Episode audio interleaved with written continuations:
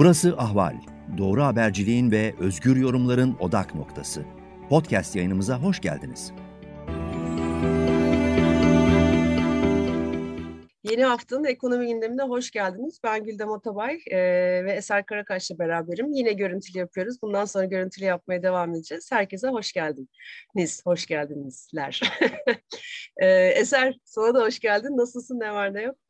Çok teşekkür ederim Güldem. Sen nasılsın? Ne var ne yok? İyi valla tatlı işte bir sonbahar havası. Türkiye'nin gündemi yoğun. Ee, her zamanki gibi yine şaşırtıcı şoklar dolu. Ee, Bu hava kış havası olduğu için bunu duyunca biraz hafif sinirlerim daha çok bozuluyor. evet Urla'da böyle çok çok tatlı, esintili bir, güneşli bir sonbahar var. Tamam. Evet. Ya aslında bu hafta konuşacak senin de yayından önce söylediğin gibi çok konu var. Ee, ama dün yani bunlardan bir tanesi sanıyorum hani ekonomik veriler açısından nispeten sakin bir hafta. Yurt dışındaydı gözler. İşte Fed ne yaptı ne yapıyor? Bizim Merkez Bankası Başkanı'nın dün e, resmi açıklamaları vardı bir toplantıda. Ondan önce T24'te Barış Soydan'a konuşmuş. Bayağı e, tartışmalı sözleri vardı. E, dolayısıyla para politikasından iyice umudu kesmiş oluyoruz aslında bu açıklamalarla. Ama dün bir de açıklanan, gazetelere daha doğrusu çıkan Sayıştay'ın 2020 raporu vardı. Senin özel ilgi alanının olduğunu biliyorum, mutlaka bakmışsındır. E, 2020'de kamu harcamaları, işte sarayın harcamaları, e, özellikle benim dikkatimi çeken e, hem Milli Eğitim Bakanlığı'nın içindeki e, ihalelerin, alım satımların e, bayağı şaibeli oluşu, yoğunlukla ön plana çıkan. Bir de tabii bu garantili köprüler, otoyollara geçiş için 2024 yılına kalan kadar verilen 25 küsur milyar dolarlık e, taahhütler var burada. Kullanalım, kullanmayalım. Bu yollara işte dolar bazında ya da döviz bazında zam gelsin gelmesin biz bunları ödemekle yükümlüyüz. Önümüzde de seçimler var. Hani bu taahhütlerin de biliyoruz ki yurt dışı mahkemeler e, sorumlu. Bunlardan kolay kolay iktidar değişse dahi kurtulmak kolay olmayacak. E, senin dikkatini çekenler neler oldu bu Sayıştay raporunda? E, arkasından da işte biraz Merkez Bankası Başkanı'nın açıklamalarını konuşalım. Sonra da zaten iki, iki, iki şey. iki şey. Bir tanesi Sayıştay'ın eceli geldi galiba. ee, onu, onu kapatıverirler ne olacak? Anayasa Mahkemesi'ni bile kapatmayı düşünüyorlar. Sayıştay da arada kaynar gider. Çünkü gider Diyanet, evet. ihale, Diyanet ihalelerinin de e, usulsüz olduğunu söylüyor. Var evet orada da var. Evet, doğru yani ama, iş, ama şimdi Diyanet'in usulsüzlüğü çok görülür. Şimdi e, Ramazan programları var. Şimdi Ramazan programlarını yine e, şeye açık ihalelerle değil pazarlık usulü ihalelerle yani bir aciliyet içeren e, beklenmedik bir şey karşısında belki alınabilecek bir önlemle yapıyorlar. Ya Ramazan dediğin bundan 50 sene sonra hangi güne geleceği belli. 50 sene sonra hangi güne geleceği belli. Yani böyle bir anda hani e, ay güneşin bu tarafına geldi Ramazan oldu diye bir şey yok. Değil mi? Yani 50 sene sonra e, şeker bayramı ne gün, kurban bayramı ne gün, Ramazan ne gün bellidir. Dolayısıyla e, bir aciliyet söz konusu olamaz diyorsun. Eğer aciliyet söz konusu işlerini yapmamışlar demek o zaman. Evet, Ramazan'a son dakika yapılması gerekiyor. Son dakika bırakmışlar. Ama tabii ben, bunun böyle olmadığını ben çok iyi biliyorum. Açık yerde yapmak yerine bunu işte davet usulü davet usulü yerlerde yaptıkları zaman yolsuzluk yapıyorlar. Evet. Yolsuzluğu yapan kurumların en önemlilerinden bir tanesi Diyanet Türkiye'de. En büyük kaynaklardan bir tanesi de Diyanet'te bildiğimiz gibi. Yani, evet. yani, yani. Ve giderek artan bir kaynak kullanımı var. Şimdi e, tabii burada şey de tartışılıyor. Tabii raporla bu tartışılmıyor ama yani bizler kendi aramızda yani maliye şey, maliyeciler e, şimdi orada iş, iş biraz karışık. Yani rivayet muhtelif. Sayıştay yerindelik denetimi yapmalı mı yapmalı mı? Şimdi şey bu önemli tartışma bu. Ben ilkesel olarak yani bunu teorik olarak baktığım zaman Sayıştay'ın yerindelik denetimi, ne demek olduğunu anlatacağım yani. Yerindelik denetimi yapmasa çok sıcak bakma. Ama Türkiye'de işler öyle çığırından çıktı ki öyle çığırından çıktı ki yolsuzluklar. Bir tek o kaldı yapan artık. Evet. Yani ondan sonra ve dolayısıyla ben şu anda Sayıştay'ın Türkiye'de e, bir süre daha yani iktidar değişse bile yerindelik denetiminin getirilmesini istiyorum kanunla. Yerindelik denetiminin ne olduğunu... Yerindelik denetimi şu, bir siyasi, siyasi kararı da denetleyebiliyor Sayıştay. Siyasi karar derken şu, yani ne bileyim ben şimdi Katar galiba hediye etti. Örnek olarak söylüyorum ama o uçağı Cumhurbaşkanlığı satın alsaydı kendi bütçesinden. O dünyanın en büyük uçaklarından bir tanesi. Ve muazzam bir para verseydi. Ama bunu usulüne göre yapsaydı ihaleye çıkıp işte uluslararası bir ihaleyle bunu yapsaydı, ödemeleri falan her şeyi bütçede gösterseydi e, bunda mali anlamda Sayıştay'ı ilgilenecek anlamda bir şey olmayabilirdi.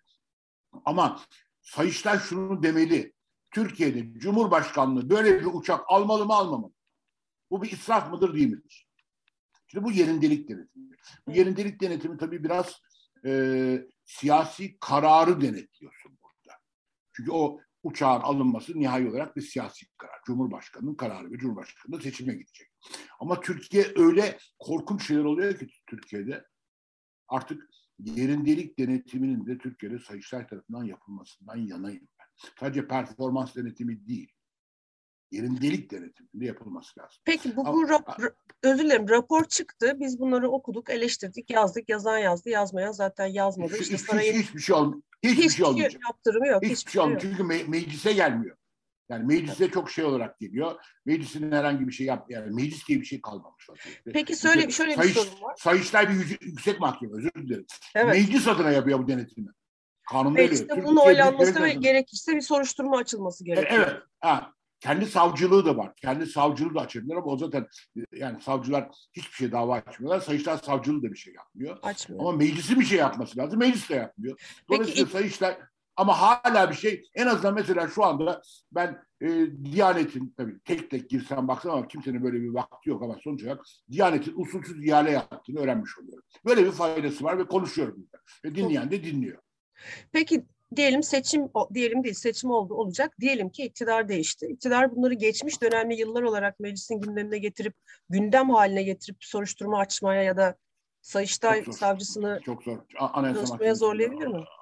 Çok zor. Anayasa Mahkemesi buna şey. olan oluyor, gelen Yani- geçiyor her sene yani. Gel gelen geçiyor. Ama e, bunları bir dava açarlarsa e, bilmiyorum.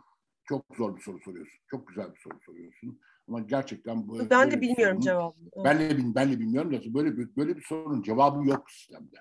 Böyle çünkü hani bazı şeyler yani mesela Cumhurbaşkanı dediğin kişinin anayasayı ihlal etmeyeceği varsayılmış. Ve Cumhurbaşkanı anayasayı ihlal ederse ne yapacağı yazmıyor hiçbir yerde.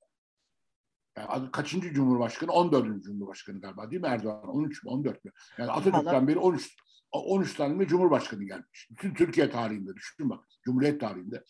E şimdi bu adamın da anayasayı ihlal edeceği İyi yani, kimsenin ak- aklına gelmemiş yani böyle bir. Ama açık açık anayasa ihlali yapıyor. Ne yapacaksın? Ya bilmiyorum tabii ben şimdi farazi konuşuyorum ama e, yarın öbür gün meclis değiştiğinde, meclisin dağılımı değiştiğinde bir yolsuzluk komisyonu kurulduğunda herhalde bu Sayıştay raporlarındaki başlıklar belki tek tek başka bir araştırmanın konusu Bir de, olabilir.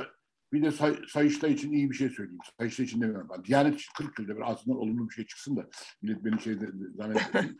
Toplam önümüzdeki yıl 2022'de 16.1 milyar TL şey kullanacak. Ama 2020 yılında 2.9 milyar TL Cumhurbaşkanlığı harcamış sadece. Cumhurbaşkanlığı ya. ya Çankaya diye düşün.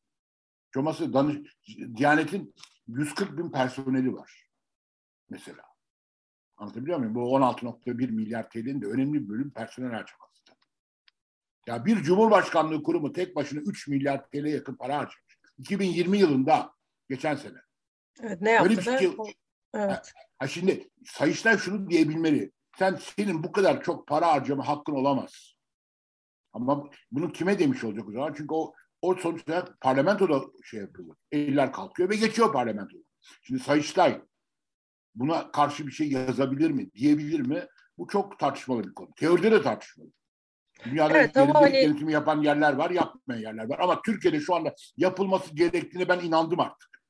Evet ama Teorik hani olarak olmasa gün olur devran döner iktidar dediğim gibi hep değişirse ben oraya getiriyorum. Hani o tarafından merak ediyorum. Eğer bu tür usulsüzlükler belki kapısı yolsuzluklara çıkan usulsüzlükler devran eğer döner. tartışma konusu olmaz ise o zaman iktidar değişikliği işte parlamenter sisteme geçilme vaadi var eee, vesaire vesaire. Hani geçtik yolumuzu geçmişi temizlemeden de biraz hani Ee, Ama Neyse, eskiden de, es- eskiden de askeri harcamalar denetleyemez Sayıştay. Böyle bir şey vardı. Hala denetleyemiyor da eskiden parlamenter sistem döneminde de yine denetleyemezdi. evet ama hani Yani. kat be kat kat be kat üzerine çıkmış tabii. Ha, bir takım evet, çok durum, korkunç. bir durum var. Evet. Ben şimdi devran döner dedim de aklıma geldi. Biraz da şaka yapayım. Burada bir Kürtlerin işlettiği bir dönerci var. Dönercinin ismi Devran Döner. ne anlama gelmiş bilmiyorum. Devran döner. Devran Döner. Yani dö- dönercinin ismi bu. Dönercinin ismi bu. Döner. Devran Döner. Adamın adı Dev- Devran belki bilemiyoruz. yani soyadı dönerse bilmiyorum artık yani. Ya bir de şu konuyu hani bu, bu tabii çok önemli bir konu. Sayıştay raporlar, Türkiye'deki harcamalar. Çok, çok en önemli mesele. En önemli konu. Çünkü hani bir taraftan devlet mekanizmasının özellikle Cumhurbaşkanlığı sistemiyle tek elden bu şekilde denetilmez bir işte harcama ve bir e, iktidardakileri bir rant kaynağı, bir yaşam kaynağı olduğunu görüyoruz. Bir taraftan da kalabalık yığınlar var fakirleşen. İşte bir sürü politika yanlış politika tercihlerinin sonuçlarında hani ekonomide, sosyal hayatta bir sürü yerde kötüleşen bir Türkiye ile karşı karşıyayız. O yüzden bu sayıştay harcamalar, kayna, kıt kaynakların nereye gittiği gerçekten çok önemli. Bir de işte bu e, Boris Soydan'a konuşan, neden konuştuğunda hani özel olarak Boris Soydan'a İstanbul'a gitmişken konuştuğunu bilmediğimiz e, Merkez Bankası Başkanı Kavcıoğlu'nun açıklamaları var. Yani uzun bir konuşma. Kork, kork, korkunçtu ama. çok. Evet, seri olarak yayınlayacak Barış Soydan anlaşıldığı üzere yazının bitiminde. Ama zaten ilk se- serinin başındaki hani hiç ben suya sabuna ya da virgülüne dokunmadan koyuyorum tartışmak size ait gibi bir girişle zaten yazmış. En dikkat çeken, en çok tartışılan işte Türkiye'nin risk primi, e, CDS priminin yüksekliğinin haksızlık olduğundan bahsediyor. Çünkü ne diyor? İşte Brezilya'nın mesela 170-200 bas puan civarında yani %1.7, %2 civarında. Türkiye'nin %4'ün üzerine çıktı tekrar. Çünkü burada Bu CDS'in ne olduğunu bilmiyor galiba. Ben Evet, sokakta ya. sokaktaki CDS hayatta demek bilmiyor ama galiba. riskler yok. Yani bunu anlıyoruz uzun lafın kısası. CDS nedir? CDS, CDS'in ne olduğunu bilmiyor. Evet, Yani CDS güvenlikle ilişkili bir şey olduğunu zannediyor. olduğunu galiba. düşünüyor. Risk primi olduğu için. Halbuki Risk dış primi. aldığın dış borcu geri ödeme Geri riskinde, ödeme şeyi. riskinde bağlantılı bir prim. Ee, bir sigorta prim gibi bir şey. Dolayısıyla hani sana kaynak veren yabancı fonlar, kuruluşlar e, eğer bir aracı kurulma ya da böyle bir sigorta şirkette çalışıyorsa onu ödüyorlar. Maliyet olarak da sana borç verirken senden faizini üzerine bu CDS primini ekliyorlar.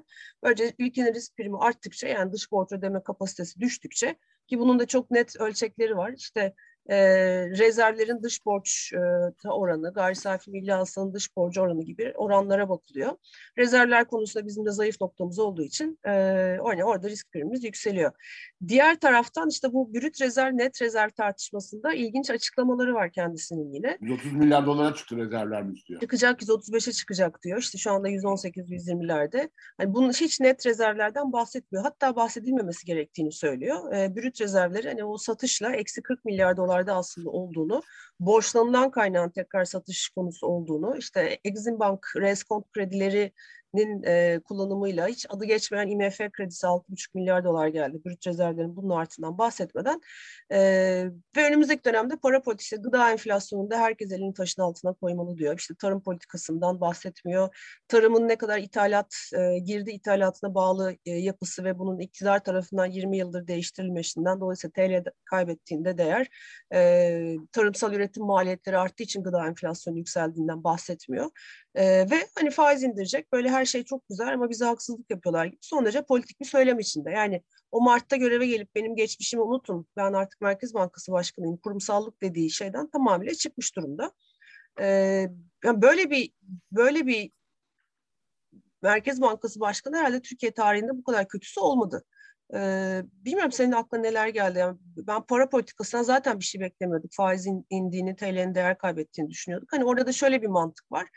İşte ihracatçılarımız dolar TL'nin 9 olmasını çok faydalı görüyorlar ihracat artışının devam etmesi Yani işin, açısından. işin şeyi orada şu anda kısa vadede büyümeyi ihracatın üzerine yıkıyorlar galiba. Yıkıyorlar ama hani bu burada da aslında hani dünyada rekabetin artık kur üzerinden değil verimlilik üzerinden kabaca. Kısa vadede belki. Kısa vadede Kısa belki. vadede, çok kısa vadede ama onun da Çok işte kısa vadede. vadesi Zaten öyle bakıyorlar ya. Her şeye öyle bakıyorlar.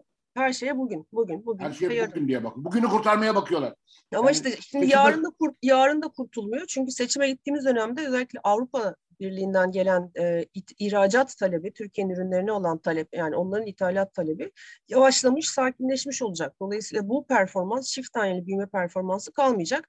Bizim kalan ne olacak? Çok Ya- daha zayıflamış bir TL, daha yüksek bir enflasyon ve son derece kötü yönetilen bir para politikası kalmış olacak deyip susuyorum. Ya Türkiye'de çok zor işler. Bak şimdi konu alakasız gibi duruyor belki ama ben çok bağlantılı görüyorum. Şimdi Rusya'dan doğal gaz alıyoruz. Şu saatlerde toplantı halindeler. E, şeyde, Soçi Erdoğan'la, zirvesi, evet. Soçi zirvesi şu anda görüşüyorlar. görüşüyorlar o da ayrı bir tartışma zaten. Biden'la ilgili parmaya başladıktan sonra. Evet. On, ondan sonra şimdi Rusya, Rusya'dan doğal, doğal gaz alımı var ve çok yerden duyuyorum ki dünyanın en pahalı şeyini kullanıyoruz. Doğal gazını kullanıyoruz. 250 doların üzerinde olduğu söyleniyor. Şimdi sorulduğu zaman kim yap kim yap BOTAŞ yapıyor değil mi bunu? Değil mi herhalde? BOTAŞ yapıyor. Tabii tabii. Ondan sonra BOTAŞ'ın yaptığı bir şey. Peki kim ödüyor bu parayı? BOTAŞ nedir? BOTAŞ bir şey. BOTAŞ ee, kamu kurumu biz ödüyoruz. Bir, yani. kamu, bir kamu kurumu biz ödüyoruz. Bu, Vergilerimizi biz ödüyoruz. Vatandaş ödüyor, vergilerle ödüyor ya da yine vatandaş ödüyor. Sorulduğu zaman ticari sır diye cevap geliyor. Kaç paradan? Kaça alıyoruz kardeşim biz Ruslardan bunu? Cezayir'den alalım hepsini. Mesela bir alternatif olarak söyleyebiliriz, sorabiliriz. Bu soru aptalca düşüyor çünkü e, Rusya'dan kaç para aldığımızı bilmiyoruz.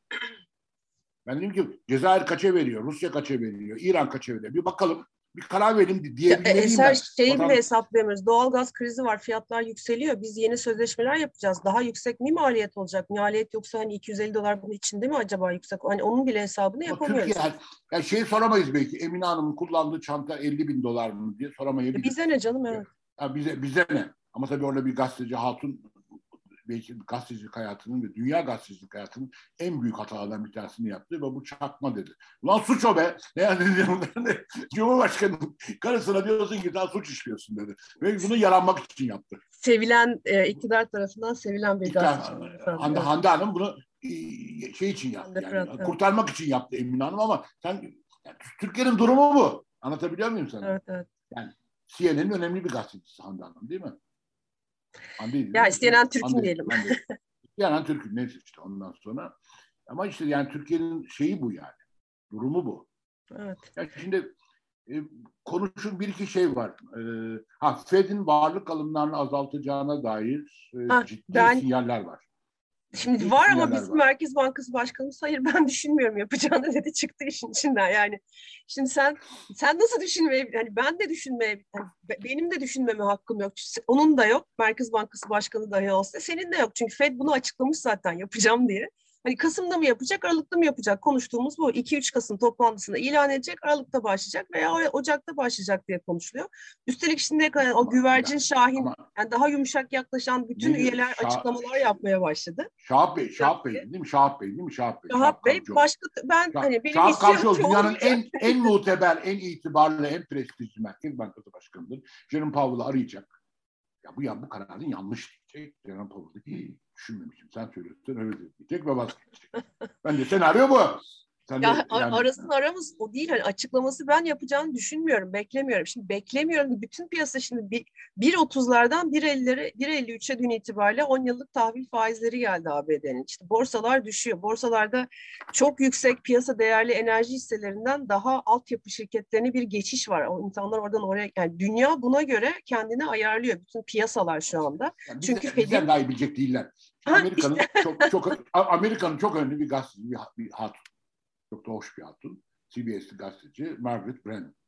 E, ondan sonra Margaret Brennan Erdoğan'la konuşuyor. En son Birleşmiş Milletler Zirvesi'ne gittiği zaman. İşte bir kadın e, hakaret davalarıyla ilgili rakamlar verdi. O rakamlar bizim Adalet Bakanlığı'nın yayınladığı rakamlar. O Adalet Bakanlığı'nın yayınladığı resmi rakamlar 2020 için Amerikan Dışişleri Bakanlığı kullanmış. Hı hı. Ama köken yani mahreçlikleri eski bizim Adalet Bakanlığı verileri. Bütün bunlar yanlış dedi şey. Ee, Erdoğan. Erdoğan. Şimdi kadına kadın çok şaşırdı. Dedi ki ama ben benim kendi Amerikan Dışişleri Bakanlığı'ndan aldım Sayın Erdoğan diyor kadın. Hayır yanlış onlar siz bilmiyorsunuz diyor. Ama bu çok önemli. Hepiniz diyor bize karşı bir komplo içindesiniz diyor. Diyecek Ve şey sonra iş demokrasi karışık. Ne dedi biliyor musun? Ben sana gönderdim onu. Gönderdim benim izle. bak bakalım. İzle, bakacağım izle, izle, izle. Şöyle bir laf var çünkü. Bizdeki demokrasinin düzeyi buralardan diyor. Buralar dediği Amerika'da yapıyor konuşmayı. Buraların çok çok üzerindedir. Aynen bu kelimeyi kullanıyor. Buralardan çok çok daha üzerindedir. Nasıl, nasıl bir hastalık yani, bu durum? Bence gerçeklikten, bence gerçeklikten kopulmuş tamam.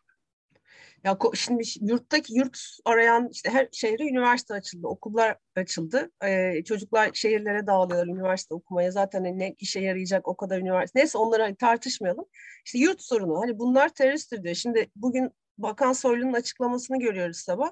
Ne diyor? İşte şu kadarı PKK, işte şu kadarı gösteri yapan, üç, işte dört tanesi de LGBT üyesi diyor hala. Şimdi hani LGBT üyesi değil mi? gülüyorum artık sinirden. Çünkü bunlar gençlerin üzerinde çok büyük bir baskı işte. Ondan sonra hem umutsuz hem depresyonda hem O de işte terörist daha- derneğin Fahri Başkanı kim? Fa- Onorer Başkanı Zeki Müren Değil mi? Hani LGBT zaten hani onun üyesi Ya demek. hakikaten çıldırmış bunlar ya çıldırmış. LGBT terörist. hani terör üyesi, terör örgütü üyesi olarak işte Boğaziçi protestolarında da öyle oldu rektörle ilgili. Hepsi beraat ettiler. Duruşma bile hani bir dava bile açılmadı. Çok, çok Arkasından korkunç. ne oldu? O çocukların hayat adına mutsuzlukları daha o yaşta en böyle kırılgan, en e, duygusal yaşlarında böyle bir Türkiye ile karşılaştılar. Dayak yediler, hapse girdiler. Aynı şekilde şimdi bu sokakta yatan, yurt bulamayan çocukların ya da maddi durumları da uygun olmadığı için aynı şey terörist diyelim geçelim. Yani o nereden geldim buraya? Bu gerçekten kopmuş. Bir de açıklamalar kopuşu bu. Yönde. Ya Hepimizin diyor ya buralardan daha iyi diyor. LGBT Amerika'da kon-. Amerika'da konuşuyor. Erdoğan ve bizde demokrasi buralar çok daha iyi dedi. Kadın da kadın böyle kaldı yani diyeyim ya. Diyecek bir Yani şey yok yine- yani. Ama bunun sonucu ne oldu? Bak yine abi yani atlıyorum şimdi bir özür diliyorum. Rica ederim. Dünyanın en zengin 10 kişisi yayınlandı.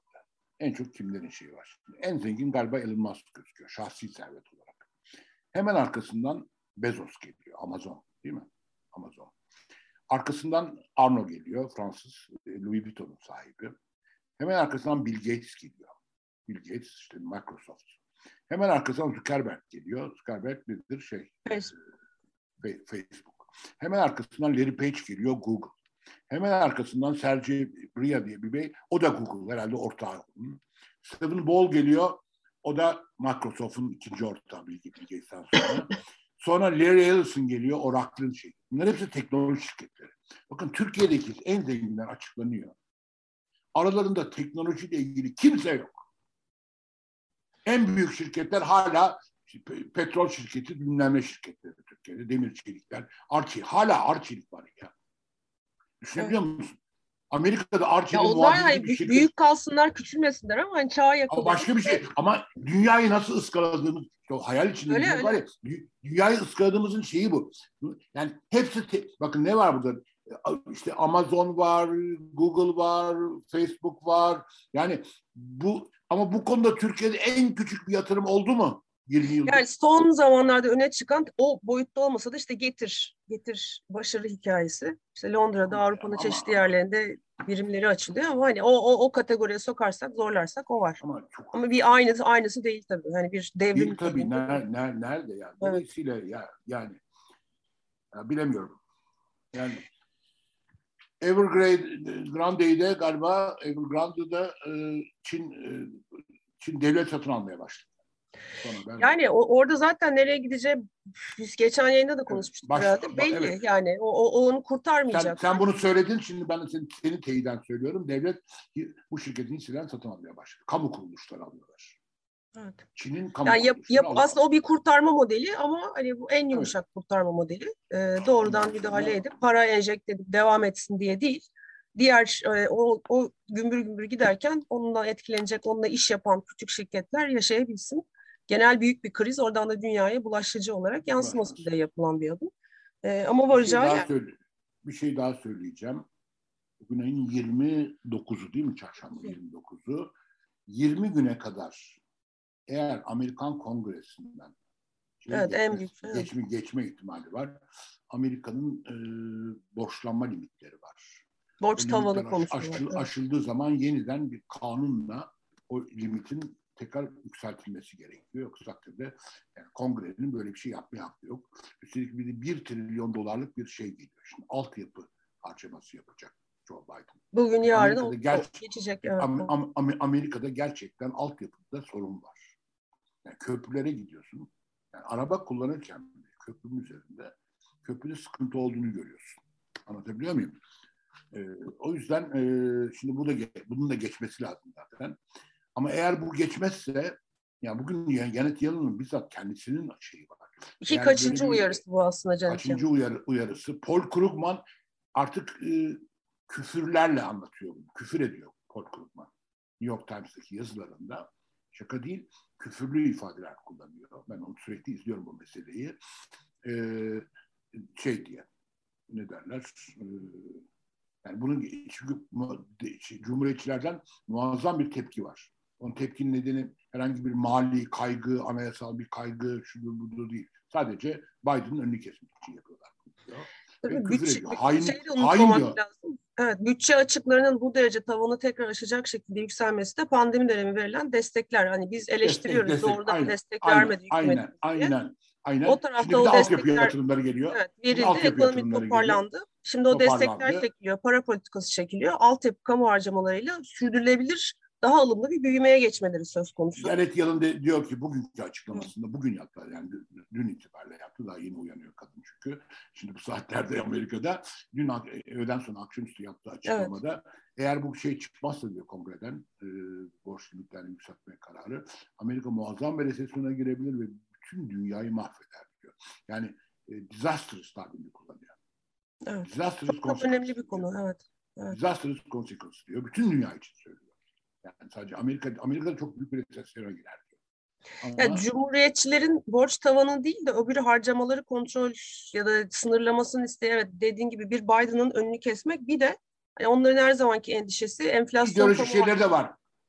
Kamu Doğru. büyüyecek, kamu harcamaları işte kamu Doğru. özel Amerikan modeli değişecek, kamu üzerine evet. harcamalar yapılacak. Ee, bir de işte şu enflasyon yükselmesi kalıcı olacak. Halbuki tam tersi yani Demokratlara kom komünist diyorlar. Yani evet evet. Demokratlar için komünist tabirini kullanıyorlar. Komünist anlamamışlar olsa gerek. Evet. Ondan, ondan sonra ama bu yani onu söyleyeyim 18 Ekim yani bunun nihai şeyi. 18 Ekim'e kadar bu e, şeyin hallolması gerekiyor. Geçen Yoksa... sefer de hatırlarsak yine son birkaç gün içinde geçmişti yine böyle. Ee, evet diye. evet evet. Evet, evet. böyle bir son dakika ama, pazarlıkları oluyor çünkü. Amerika Amerika o alanda hoşuma da gidiyor. Bir bütçe demokrasisi yani. Kaç kere yani Trump döneminde bile kamu harcamanın durduğu dönemler oldu. Evet. E, izin çıkmadı kongreden bazı harcamalar için. Müzeler kapatıldı. Resmen müzeler kapatıldı. Parklar kapatıldı falan. Açıldı sonra 10 gün sonra. Ama bu 18 Ekim'e kadar bu şeyin çık çıkmaması e, çok ciddi sonuçlara yol açabilir şeyde. Onu izlemek lazım. Ama sen çok güzel bir noktaya değindin. Bunu beş tane müteahhite ihale vermek için yapmadı Amerika. yani anlatabiliyor muyum? Beş e, müteahhitli ihale için yapmadı. Pandemi dönemi, döneminde bütün vatandaşlarına destek verdi. Hem de çok açık ve iyi destekler verdi. Şey, e, o sayede Amerikan ekonomisi toparlanıyor ve hatta dünya toparlanıyor. toparlanıyor. On, hatta işte o, genel yılda tam tersten bakıyor şimdi mesela. Hatta senin söylediğin yani öbür taraftan aynısını söylüyor. Burası bu. Bu iş, ters, bu iş terse dönerken bu sefer Amerika üzerinden dünya şey olacak diyor. Evet. evet. Ya önemli gündemler. Hani Evet. Son 3 dakikamız şeyi de hatırlatalım. Pazartesi günü e, yeni ayın, e, Eylül ayının enflasyon rakamları açıklanacak. E, biz faiz indirerek başladık bu sürece. E, piyasa beklentisi işte aylık e, beklentiyle beraber 19.25'ten 19.55'lere 19.6'ya doğru manşet enflasyon yükselmesi. Merkez Bankası çekirdek enflasyona bakarak yaptı ama yani çekirdek enflasyona yönelik anketler yok. Hani kimsenin orada ne beklediğini ne e, tahmin ettiğini göremiyoruz. E, ama yaz aylarındaki TL'nin seyri çekirdek enflasyonu bir miktar e, dizginlemiş en azından yükselmesini engellemiş olabilir ki bu da kalıcı olmayacak. Çünkü faiz indirme sinyaliyle Fed'in özellikle uzun soluklu bir para politikasını değiştirme mesajıyla e, tüm gelişmekte olan ülke para birimleri değer kaybedeceği gibi TL de hızlanarak 2022 ortasında değer kaybedecek. Ee, enflasyon olmasa... Vatandaşa, vatandaşa nasıl anlatacak TÜİK bunu? Nasıl? Yani, yani bilmiyorum. Ben bilmiyorum. Yani, yani TÜİK, TÜİK'in bağlı olduğu bakan nasıl anlatacak? Yani enflasyon Anlat... hesaplarından sebze meyveyi çıkartacaklar. Yani gıda ürünlerini çıkartacaklar. Ya anlatacak olan zaten o değil. Sorumluluk sahibi değil. Cumhurbaşkanı Erdoğan çıkacak diyecek ki faizi indirdik daha kolay kredi çekeceksiniz. işlerinizi yapıyorsunuz diyecek. Hani o enflasyon nereye gitmiş gıda çıkmış girmiş. Ee, oradaki hedef kitle açısından fark etmiyor anladığım kadarıyla. Çünkü yandaş yandaş yandaş böyle bir halka halka halka durum var. Onun e, işte onları daha düşük faizle seçim döneminde iş getirip e, kaybolan o oy desteğini kazanma amacı sanıyorum faiz indirme. Hani bu kadar irrasyonel başka bir şekilde olamaz. Bilmiyorum hani sen... Ama de... öbür, öbür, öbür tarafta ise ABD'de 10 yıllık gösterge hazine tahvillerinin 1.65'e çıktı galiba değil mi? 1.55 pardon. 1.53'tü dün şu anda 1.55. Daha yani UBS'in beklentisi 2022 ortasında bunun ikiye varmış olması. 2022. Petrol 80 dolara geldi. 80 dolara geldi. Doğalgaz zaten do, dolar bazında çıkıyor dünyada. Yani, Gıda fiyatları, kira fiyatları, enerji maliyetleri bu sene... Bunları, bunları yok varsa yani enerjiyi ve... Canımızı alan. Hepsi de çekirdek enflasyonda göz, göz, göz, gözükmeyecek. Ondan sonra vallahi ilginç yani aferin yani ne bileyim ben. Aynı zamanda Cumhurbaşkanı Sarayı'na da 3 milyar TL para harcıyor daha aşağı yukarı. Ondan sonra bir inanılmaz bir mal ve hizmet alımı var yani. yani korkunç rakamlar. 300 milyon TL falan böyle. Yani ne alıyorlar? Yani günlük harcamaları geçen seneye göre yüzde 64 art, artmış durumda. Yani. enflasyon değil yüzde 50. Ama çoğu yani 2022 bütçesi şimdi parlamentoya geliyor. Yani aşağı yukarı belli oldu.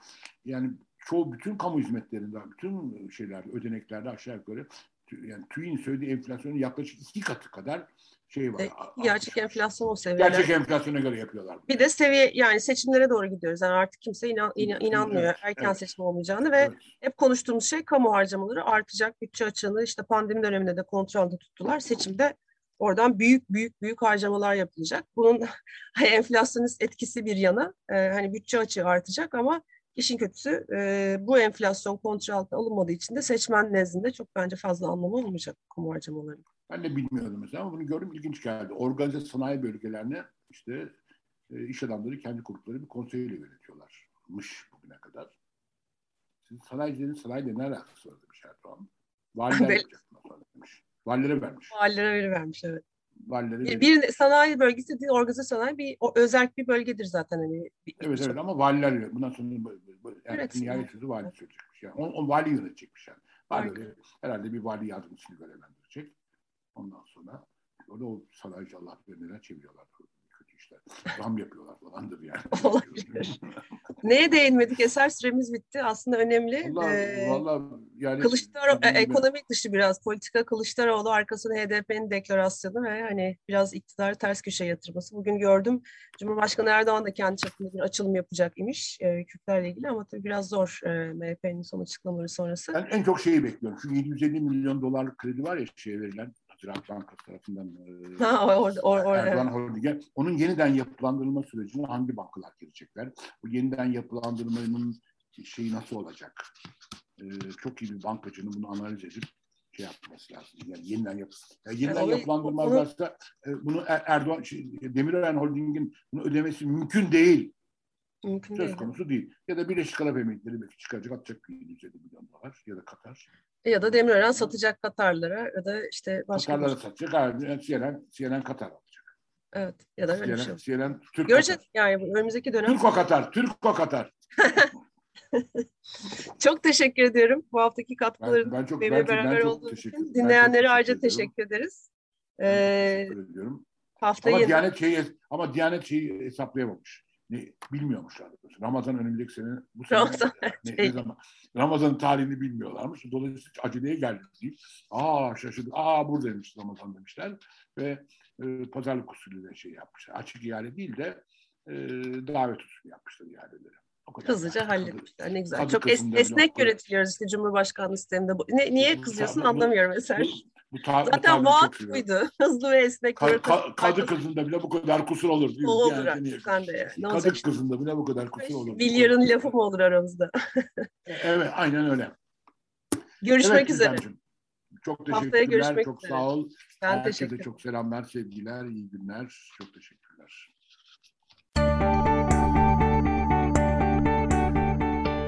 Ahval podcastlerini tüm mobil telefonlarda Spotify, SoundCloud ve Spreaker üzerinden dinleyebilirsiniz. Apple iPhone kullanıcıları bize iTunes üzerinden de ulaşabilir. Türkiye'nin ve hayatın cıvıl cıvıl sesleri Ahval Podcast dizisinde. Kulağınız bizde olsun.